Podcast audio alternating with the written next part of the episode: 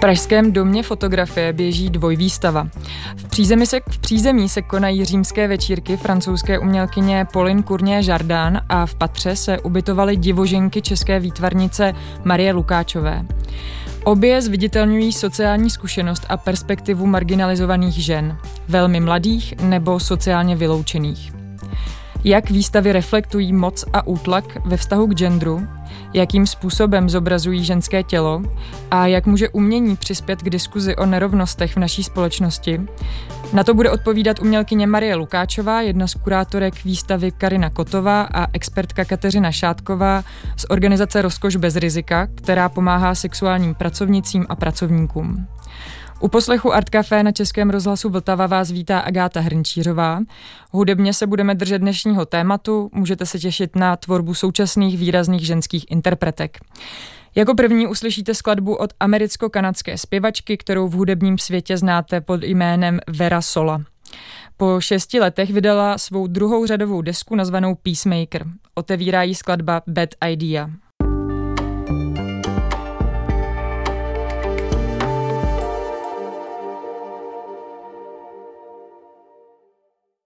Dozněla skladba Bad Idea od Vera Sol. To, co propojuje dvě aktuální výstavy v domě fotografie, je snaha o zprostředkování zkušenosti utlačovaných žen. Ve vystavených dílech je zastoupeno lidské, především ženské tělo ve víru nejrůznějších tlaků, omezení, zákazů a transformací. Římské večírky Pauline Cournier Jardin eh, nabízejí vhled do světa sexuálních pracovnic a jejich podmínek. Divoženky Marie Lukáčové jsou takovou emancipační trilogií pro teenagery. Marie, už vítám ve studiu. Ahoj. Ahoj. Vedle ní sedí kurátorka a ředitelka společnosti Jindřicha Chalupeckého Karina Kotová. Ahoj. Ahoj. A pozvání přijala i vedoucí poradenského centra v Praze z neziskové organizace Rozkoš bez rizika Kateřina Šátková. Ahoj. Ahoj. Karino, moje první otázka míří na tebe. Proč jste se rozhodli propojit zrovna tvorbu těchto dvou umělkyň v jednom prostoru? Tak ona je na sebe vlastně v mnoha uh, věcech navazuje, i když každá má zase úplně jiné třeba estetické polohy, ale už jenom to, že obě se zabývají vlastně hodně narrativním nebo výpravným filmem uh, nebo videí, ale vždycky je zasazují do kontextu celé instalace, které jsou kresby nebo nějaké úplně monumentální třeba uh, prvky, látky a tak dále. Je to vždycky nějaký celý environment. Uh, tak je důležité, ale tematicky samozřejmě hlavní právě ten vztah třeba k různým feministickým otázkám, k, uh, k nějakému empowermentu nebo nějakému um, osvobození třeba té ženské identity. A myslím si, že u obou, i když každá to pojímá dost jinak, je také právě vztah k, vlastně k nějakým tradicím, mytologiím, uh, ať už lokálním nebo třeba i nějakým obecněji třeba křesťanským symbolům nebo naopak pohanským, čarodějnictví, se u obou nějakým způsobem um, objevuje, ale u každé je úplně jinak. A na té výstavě v Galerii hlavního města Prahy je důležité, že vedle Paulín uh, vlastně, nebo součástí uh, té výstavy je právě práce Feel Good kooperativu, kooperativu nebo kolektivu sexuálních pracovnic, kterého se Paulín stala součástí a to ještě vlastně tu celou škálu témat obohacuje o úplně další dimenzi. Mm. Marie, eh, v domě fotografie můžeme vidět kromě krezeb a tisku, eh, jak už Karina řekla, ukázku z, pohádkové filmu, z pohádkového filmu Orla. Můžeš trochu přiblížit ten příběh, o čem ten film vlastně je? No, to je těžká otázka. Já to vždycky trénuju a moc mi to nejde. Ale mm, ten příběh jakoby je určený náctiletým nebo teenagerům a je to vlastně, eh, měl by to být romantický příběh, eh, který je samozřejmě jakoby založený na nějakém boji proti zlu, ale to zlo eh, v tomhle případě je jakoby nerovné uspořádání moci. A my ten film nebo jeho část, kterou je možné na výstavě vidět, děláme společně s Vandou Kaprálovou a Klárou Mamojkovou a producentským duem. A vlastně je pro nás strašně důležité uh, mluvit o problémech, jako je feminismus, nebo problémech, jako o tématech, jako je feminismus a ekologie, právě to nerovné uspořádání moci, ale vlastně otisknout do filmu tak, aby jsme o něm nemuseli mluvit napřímo, ale aby, aby to právě vyjádřil ten příběh. A, a jde teda jakoby o pohádku, i když to slovo je těžké použít v kontextu náctiletých lidí, ale jde, jde vlastně o nějaký příběh, který je v neurčitém čase na neurčitém místě. A ta doba se prolíná a protože naši herci mají a, rovnátka a tetování, ale zároveň a, mají super a, historické kostýmy, které se ale navrhla mě Jadrna. No a, a tady v tomhle příběhu ožívají stromy a a je tam zlý vládce a vlastně jakoby nějakým způsobem se, se, se to právě jako přeskakuje z žánru pohádky do, eh, do nějakého jako eh, ještě repového, do repového klipu a, a tak se to nějak celé kupí na sebe a no, nevím, jestli jsem to úplně přiblížila. Jo, určitě. Já když budu ještě trochu specifičtější, tak eh, prozradím, že ten příběh se odehrává v blízkosti hradu, kde je 16-letá dívka Jasna, která je obdařená silou kritického myšlení a eh, díky tomu se vlastně dostává do konfliktu s vládcem eh, Volkem. Mohla bys prozradit, co tyto postavy vlastně reprezentují, jaký mezi sebou mají vztah?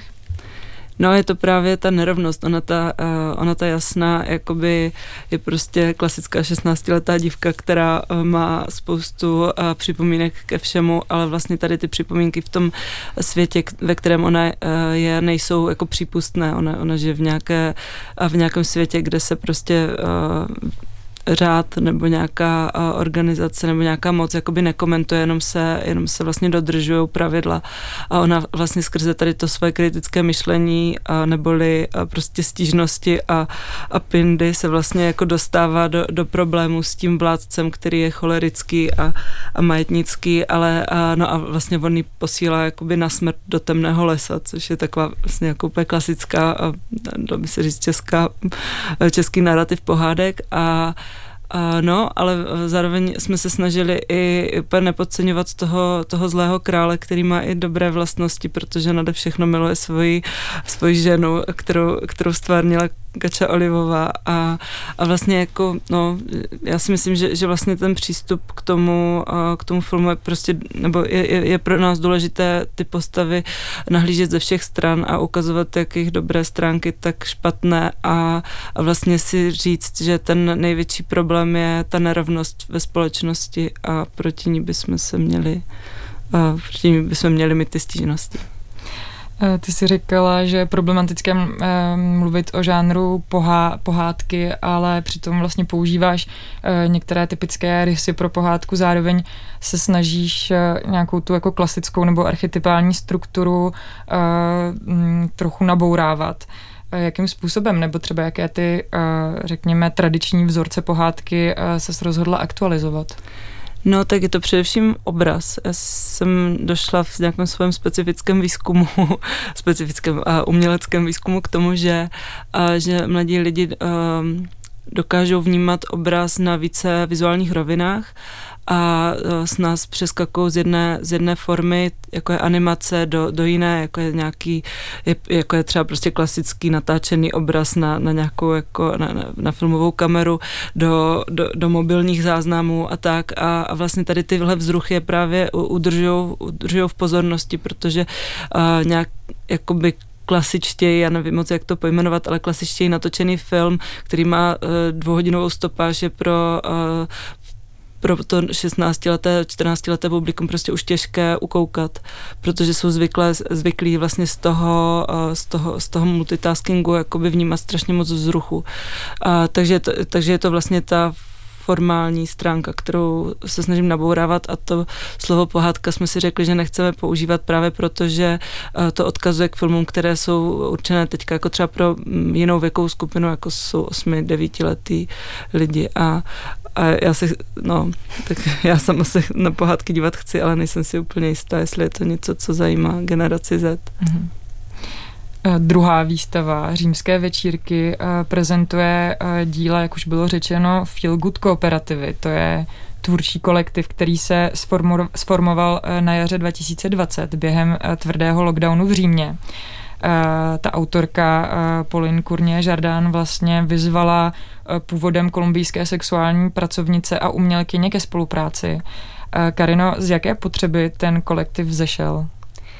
Tak byla to vlastně doba pandemie, která ukázala na spoustu různých vlastně nerovností a nerovných přístupů právě k pomoci nebo k nějaké asistenci a vlastně právě sexuální pracovnice, které už eh, tak jsou ve společnosti velmi marginalizované, tak vlastně v době striktního lockdownu, který v Římě byl jedním z těch nejhorších, se ocitli úplně na okraji, protože vlastně jejich povolání se zakládá zakládá na tom, že je to fyzická interakce nebo z, z většiny uh, fyzická a Zároveň um, tam teda uh, vlastně chyběla nějaká ta státní podpora nebo bytí součástí těch podpůrných struktur, ke kterým má uh, většinou přístup právě třeba uh, ekonomicky nebo i národnostně vlastně privilegizované pardon, obyvatelstvo.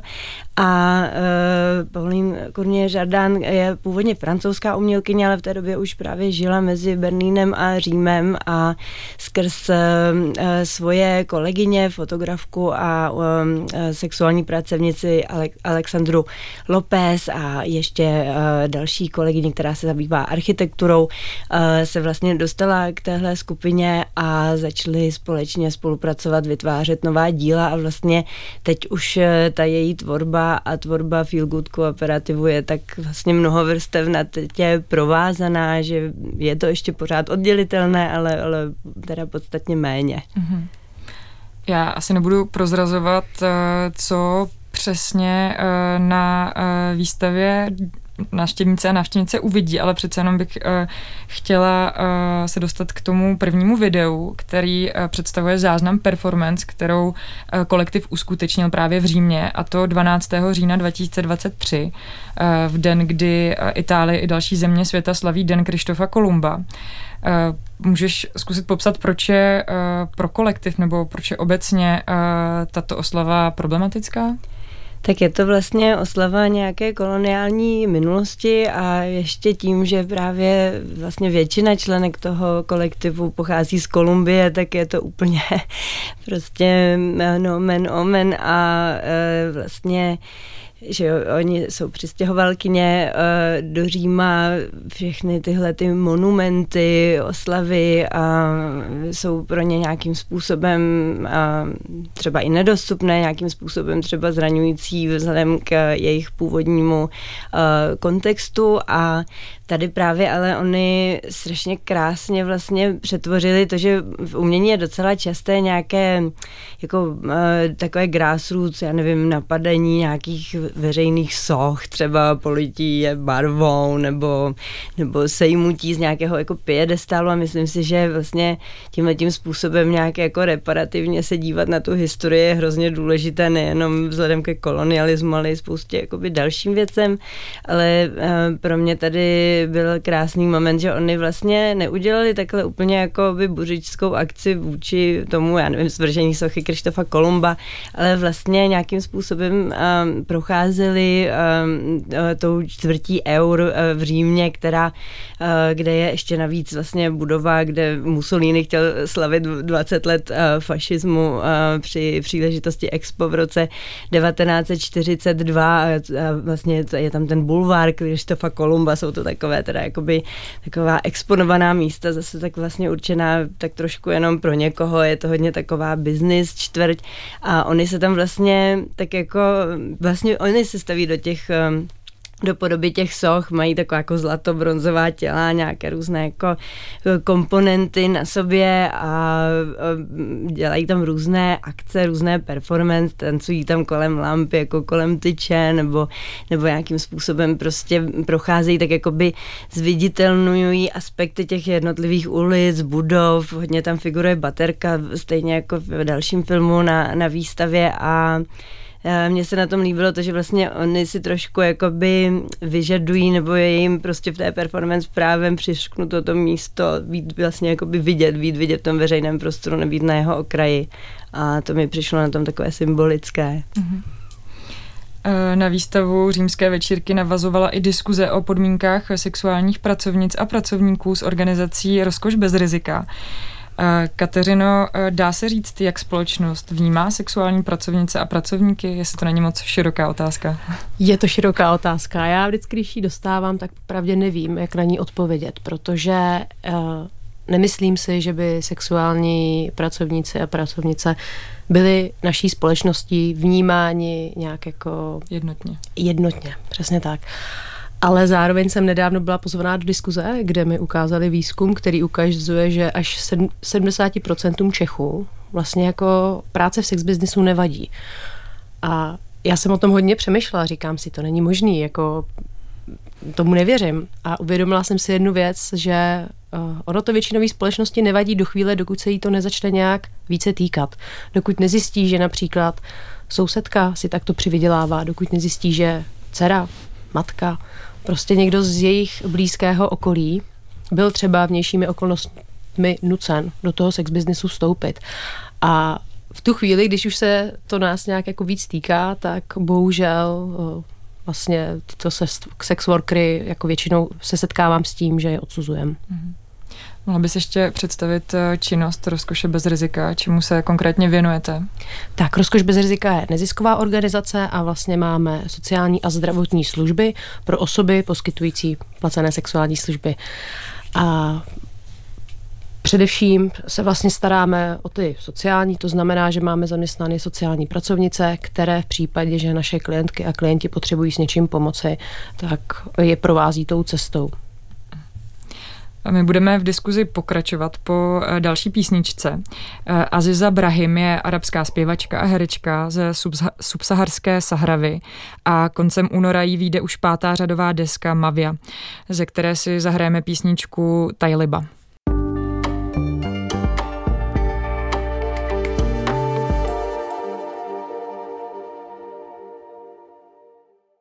Právě dohrála skladba Tajliba od Aziz Ibrahim.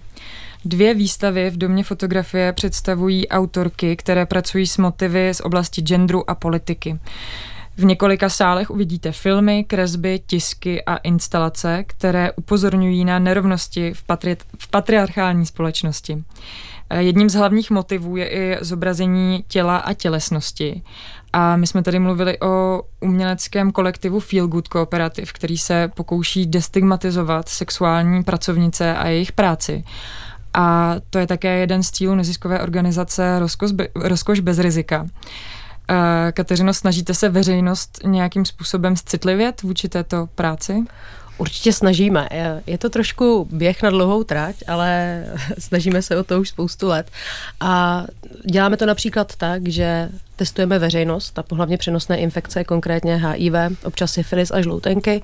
A to jsou momenty, kdy lidi z veřejnosti můžou přijít k nám do poradenského centra nebo například do naší testovací sanitky a často se nás ptají, co jste za neziskovou organizaci. A tam máme opravdu možnost s nimi rozvíjet ten dialog. Proč to děláme, koho především testujeme.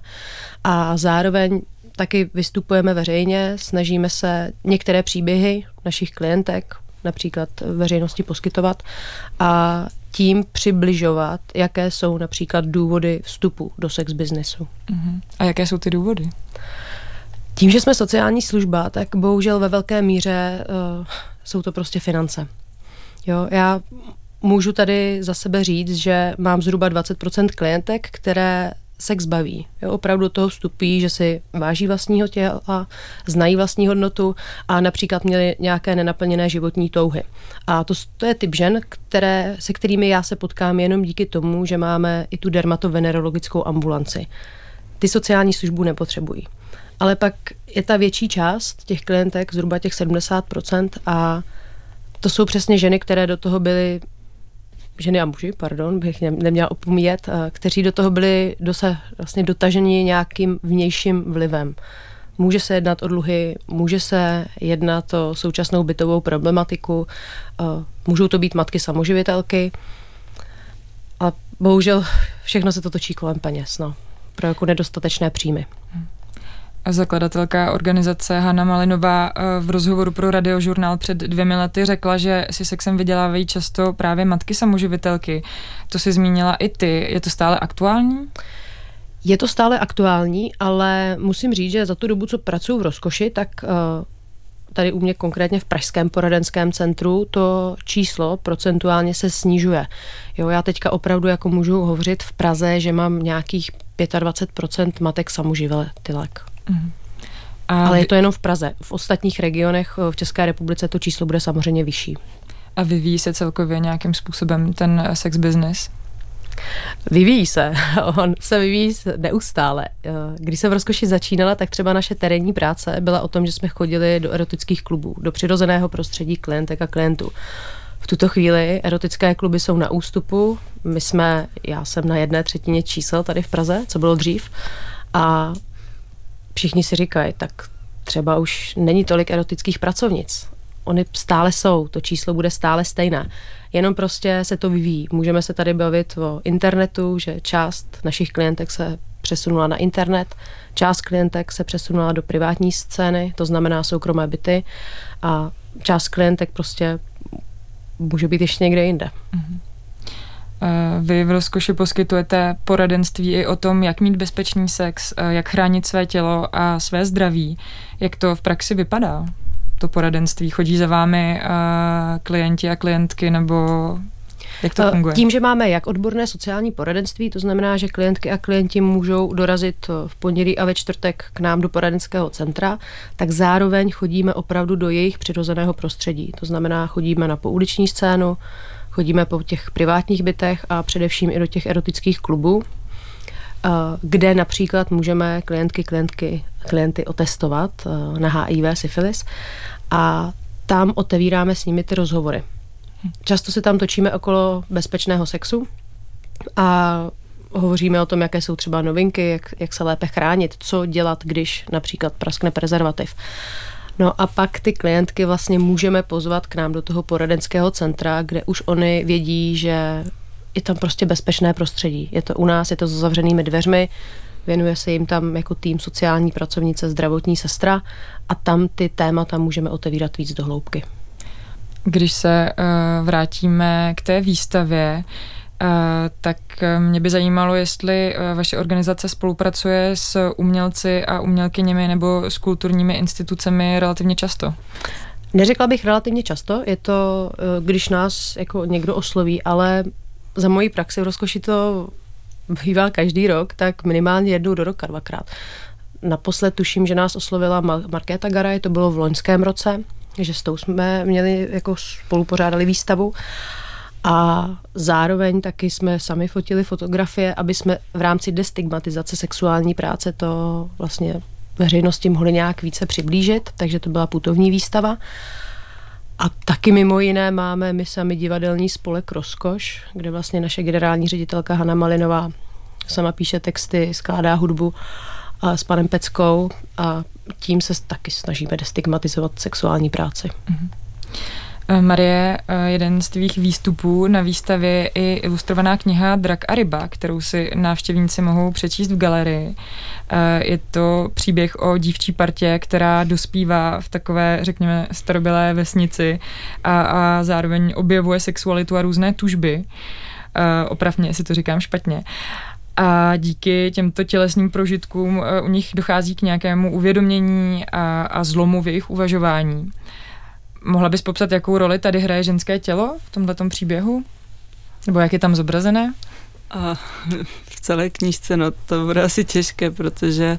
Se hodně a, proměňuje. Se hodně proměňuje, přesně, ale a já právě nevím, jestli ta sexualita, a, jakoby, já teď nevím, jestli se ptáš přímo na rituál, který a, v knize je, protože ta kniha obsahuje strašně a, moc a, různých rituálů, které jsou z části, jakoby, jsou založené samozřejmě na nějakých jako mých a, a nějakých auto, a je to nějaká jako moje autofikce asi, ale a zároveň jsou samozřejmě, je to, je to jako a, fikce, takže, a, takže je v, té, v té knize je vlastně spousta rituálů, které jsou právě jak, jakoby sexuální, a, kde, a, které nebo ten sexuální první a, bere hlavní hrdinka spíš jako nějaký jako souboj sama se sebou nebo vlastně možná s muži a ten rituál je založený na tom, že celá mládež vesnice prostě za úplňku jde k na nějaký kopec, kde, kde společně pijou a pak hrajou takovou tu ruletu, kdy vlastně všichni hodně pijou, pak běží k nějakému stromu, pak běží zpátky, souloží, pak zase pijou, běží zpátky, souloží a, a tak dál. A ten, kdo vydrží nejvíc, tak ten, ten je výherce do dalšího úplňku a ona vlastně tady tohle to jako, tady tenhle ten proces sexu bere fakt jako nějaký závod, kterým sama sobě chce dokázat, že vlastně je lepší než ti muži, kteří ho do, do posud vyhrávali.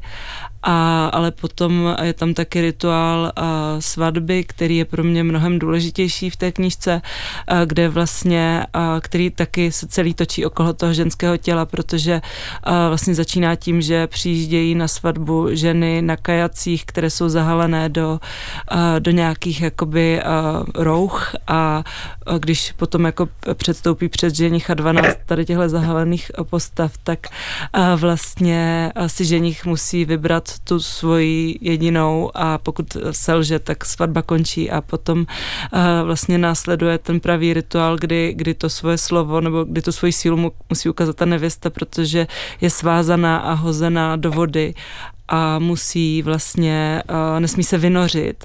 A pak, když se vynoří, tak taky svatba končí, ale ona musí se rozmotat, rozmotat a doplavat na nějaké jako posvátné místo a potom, když se vrátí k těm svatebčanům, tak vlastně uh, tak vlastně dostane respekt celé vesnice, protože a protože jakoby přežila svou vlastní smrt a pro mě je tady tenhle rituál jakoby nějakým obrazem toho, že ten muž si teda musí prokázat, že umí najít tu svou ženu, ale žena musí prokázat, že umí přežít tu svou smrt, protože vlastně vstup do té rodiny je, je pro mě něco transformačního. Je to, že ta žena vlastně musí opustit to, ten svůj život a, a přejít do nějakého jiného stavu, kdy třeba bude mít děti nebo, a, nebo vlastně vstoupí do do stavu, kde sama bude nejistá a, a bude pochybovat sama o sobě, protože to bude pro něco nového, ale vlastně celý respekt celé té vesnice, který jako dostane to svoj, tím přežitím té svojí vlastní smrti, je to, co vlastně ji navždycky dodá sílu, no. Mm. Tak, eh, tak eh, ta knížka je vlastně podle mě plná tady těchto symbolů a metafor a rituálů a, a to ženské tělo v ní hraje ústřední roli, no. A zároveň to ženské tělo je tam eh, hodně spjaté s přírodou. Je to, je to pro tebe nějaký důležitý motiv, nebo... Uh, no je i není, ale já myslím, že všechny těla jsou zpětá s přírodou, nejenom ty ženská, a, ale, ale já vzhledem tomu, že mám jedno ženské, tak, tak mluvím převážně z jeho perspektivy, ale myslím si, že uh, nebo snažila jsem se tam být objektivní, a, a, ale, ale ta příroda je pro mě prostě důležitá. Mm. No, možná nejenom pro mě, ale pro víc lidí. Uh, ty hlavní hrdinky uh, ve tvých příbězích jsou většinou teenagerky Dá se tedy říct, že se eh, tímto projektem obracíš především k dospívajícím. A mě by zajímalo, proč tě zajímá rozvíjet dialog právě s nimi a jak se k ním třeba dostáváš. Eh, zapojuješ je nějakým způsobem do svých aktivit? Jo, to je, to, je, to je moje umělecké rozhodnutí, které jsem udělala asi pět let do, eh, dozadu a protože mi došlo, že, že tady je nějaký gap nebo nějaká díra v komunikaci s nimi a já učím už asi 8 let nebo 7 let na střední škole a jenom jeden den v týdnu, asi víc bych to nezvládla, ale, ale vlastně učím tam a přijde mi, že, že, ta, že, že ta komunikace s nimi je extrémně důležitá, ten, ten, protože oni přinášejí témata a, a já přináším témata jim, ale zároveň je pro mě strašně důležité nahlížet svět z jejich perspektivy nebo se o to alespoň snažit a, a vlastně dodávat jim nějaký obsah, no, tak mm-hmm. a, no a jo. Ty v tvé tvorbě propoješ folklor a tradice a zároveň velmi explicitní, upřímný a současný jazyk. Je to je i tohleto vlastně nějaký způsob komunikace s dospívajícími, který ti třeba v české literatuře nebo vůbec v umění chybí? Jo, jo, myslím si, že jo, já se snažím a být sama vůči sobě subverzivní, jak to jenom jde a nebrat se moc vážně. A, a myslím, že, to, že, že je to nějaký možný přístup k tomu, jak, jak právě s, tady s těmi lidmi komunikovat, nebo s náctiletými komunikovat. A, a, a vlastně chybí mi to a m, mm, přicházím na to, že to chybí jako z společnosti čím dál tím víc, protože a když se třeba bavíme o tom, jak propagovat tenhle film nebo jak propagovat knihu, která je pro náctileté, tak, tak docházíme k tomu, že je to vlastně neuchopitelná skupina, je to někdo, kdo, kdo vlastně e, stojí nahoře a dole, vlevo nebo vpravo, ale, ale zároveň se pohybuje a, no, a, a je to něco neuchopitelného a tady tohle mě, tohle mě vlastně zajímá. No. Já bych se ještě na chvíli vrátila k té druhé výstavě a přece jen uh, trochu uh, popsala i to druhé video, se kterými, uh, které tam je k vidění. A, a to zachycuje výpravu do Vatikánu z ledna 2023, kdy se členky již zmíněného kolektivu přišly rozloučit se zesnulým papežem Benediktem XVI. během smutečního vystavení jeho těla v bazilice svatého Petra. A tam je vlastně zajímavý moment, protože uh, se tam setkávají společensky zneuznaná živá těla těch sexuálních pracovnic a umělkyň uh, a s mrtvým tělem uh, papeže Benedikta XVI. Uh, jak ty, uh, Karino, vnímáš tohle za mě docela silné sdělení? Je to uh, možná film, který do nějaké míry vystupuje uh, ze série těch ostatních i tím, že oni, oni jsou vlastně v civilu že, a jsou součástí té masy těch těl, která tam přichází vlastně uh, určitě z náboženských důvodů, ale zároveň ještě se tam prolíná ta rovina takového toho jakoby konzumu nebo spektáklu a toho, že vlastně takhle intimní moment smrti, když teda smrti nějaké jako ikony pro spoustu uh, lidí uh, se stává něčím jako předmětem takové jako obrovské organizace, až takové jako masové jako zábavy a vlastně uh, ten, ty členky kolektivu jsou tam tak jako víceméně jako tlačeny tím davem a Eh, filmují to na mobil, takže ten, ten výsledný film vypadá trošku jako mm, série nějakých takových impresí, nějakých třeba influencerek ehm, z, z té akce. A takže ten vztah těch těl je tam jako hrozně, hrozně zvláštní. Je tam prostě ta masa, teď teda to jedno jakoby velebené tělo, nebo je kolem, kolem toho samozřejmě ten smutek, ale je pro mě hrozně důležité a to je u víc jejich filmů, že tam není jako nějaká jasně daná kritika nebo naopak adorace nebo zesměšnění, že tam vlastně je tak trošku jakoby od všeho něco. Myslím si, že je tam jako i třeba právě nějaký jako i upřímná úcta nebo i smutek, ale i zároveň právě jakoby kritika nějakých těch, zase tam se vracíme pořád v tom rozhovoru mocenských pozic nebo nějakých jako hierarchií. Uh, I to, že vlastně ty členky právě vlastně vzhledem ke svému původu, myslím si, že řada z nich je věřících a vlastně tento místo nebo ten moment vlastně pro ně může mít jakoby velikou váhu úlohu a, a zároveň právě třeba tím samým systémem, který, ve který třeba nějakým způsobem věří, tak jsou právě jako extrémně že vyloučené nebo, nebo uh, marginalizované, taky řada těch členek je trans, uh, jsou to trans osoby, takže zase ještě to tělo a ta identita a um, právě třeba zrovna v tom katolickém světě jako její pozice nabývá ještě na úplně jiném um, jiném momentu, prostě, který je jakoby hodně, hodně vylučovaný, takže se tam odehrává spousta různých rovin, spousta emocí, ale vlastně nevyznívá to úplně jako jednoznačně a je to, je to fakt taková imprese a doplňuje ji ještě série kreseb, které k tomu dodávají vlastně hrozně uh, důležitý uh, moment. Takhle vůbec vlastně ten, uh, ten kolektiv vznikl, že oni v tom roce 2020 začali uh, právě spolu uh, s Paulín uh, pořádat workshopy a vlastně kreslit výjevy z, té, z toho svého povolání a ona jim za to platila vlastně stejným, uh, stejným obnosy jako za tu samotnou práci, takže to bylo vlastně takové jako utilitární na to, aby vůbec prostě mohli nějakým způsobem v době toho lockdownu fungovat, ale ukázalo se, že je to prostě vlastně strašně silná skupina, že ty kresby jsou úplně jedinečné, že prostě to chtějí celé tu spolupráci nějak jako posouvat. A tady zase vlastně ty kresby vznikly ve workshopu, oni se vždycky učí i nějakou další uměleckou techniku a vlastně tím svým, svým vstupem do toho uměleckého světa právě taky zase objevují nějakou jako jinou rovinu a nejenom toho zviditelnění, ale samozřejmě i třeba nějakých jako financí, nebo eh, to tady taky hodně padalo to téma a tady se vlastně naučili techniku leptu a, a tisku a, a ty kresby, a zase tam ty motivy tak právě jakoby úžasně prolínají sexualita, peníze, religiozita, nějaká jako úcta, zároveň nějaká jako show, hodně se tam objevuje vlastně drag, jako přestrojení, což eh, se právě i v té, eh, já nevím, jakoby v komunitě sexuálních pracovnic, ale zároveň třeba i právě v, eh, vlastně jakoby to, to, jakým způsobem se třeba jakoby inscenuje právě náboženství, tak vlastně se potkává v nějakých zajímavých momentech, takže ty kresby to ještě tak v něčem jako uzemňují a v něčem ještě rozehrávají v dalších souvislostech. Uh, přichází čas na další písničku a ta se jmenuje Pumpa. Uh, je od Josefíny Dask a můžete ji slyšet na čerstvé desce Pumpa Pumpa.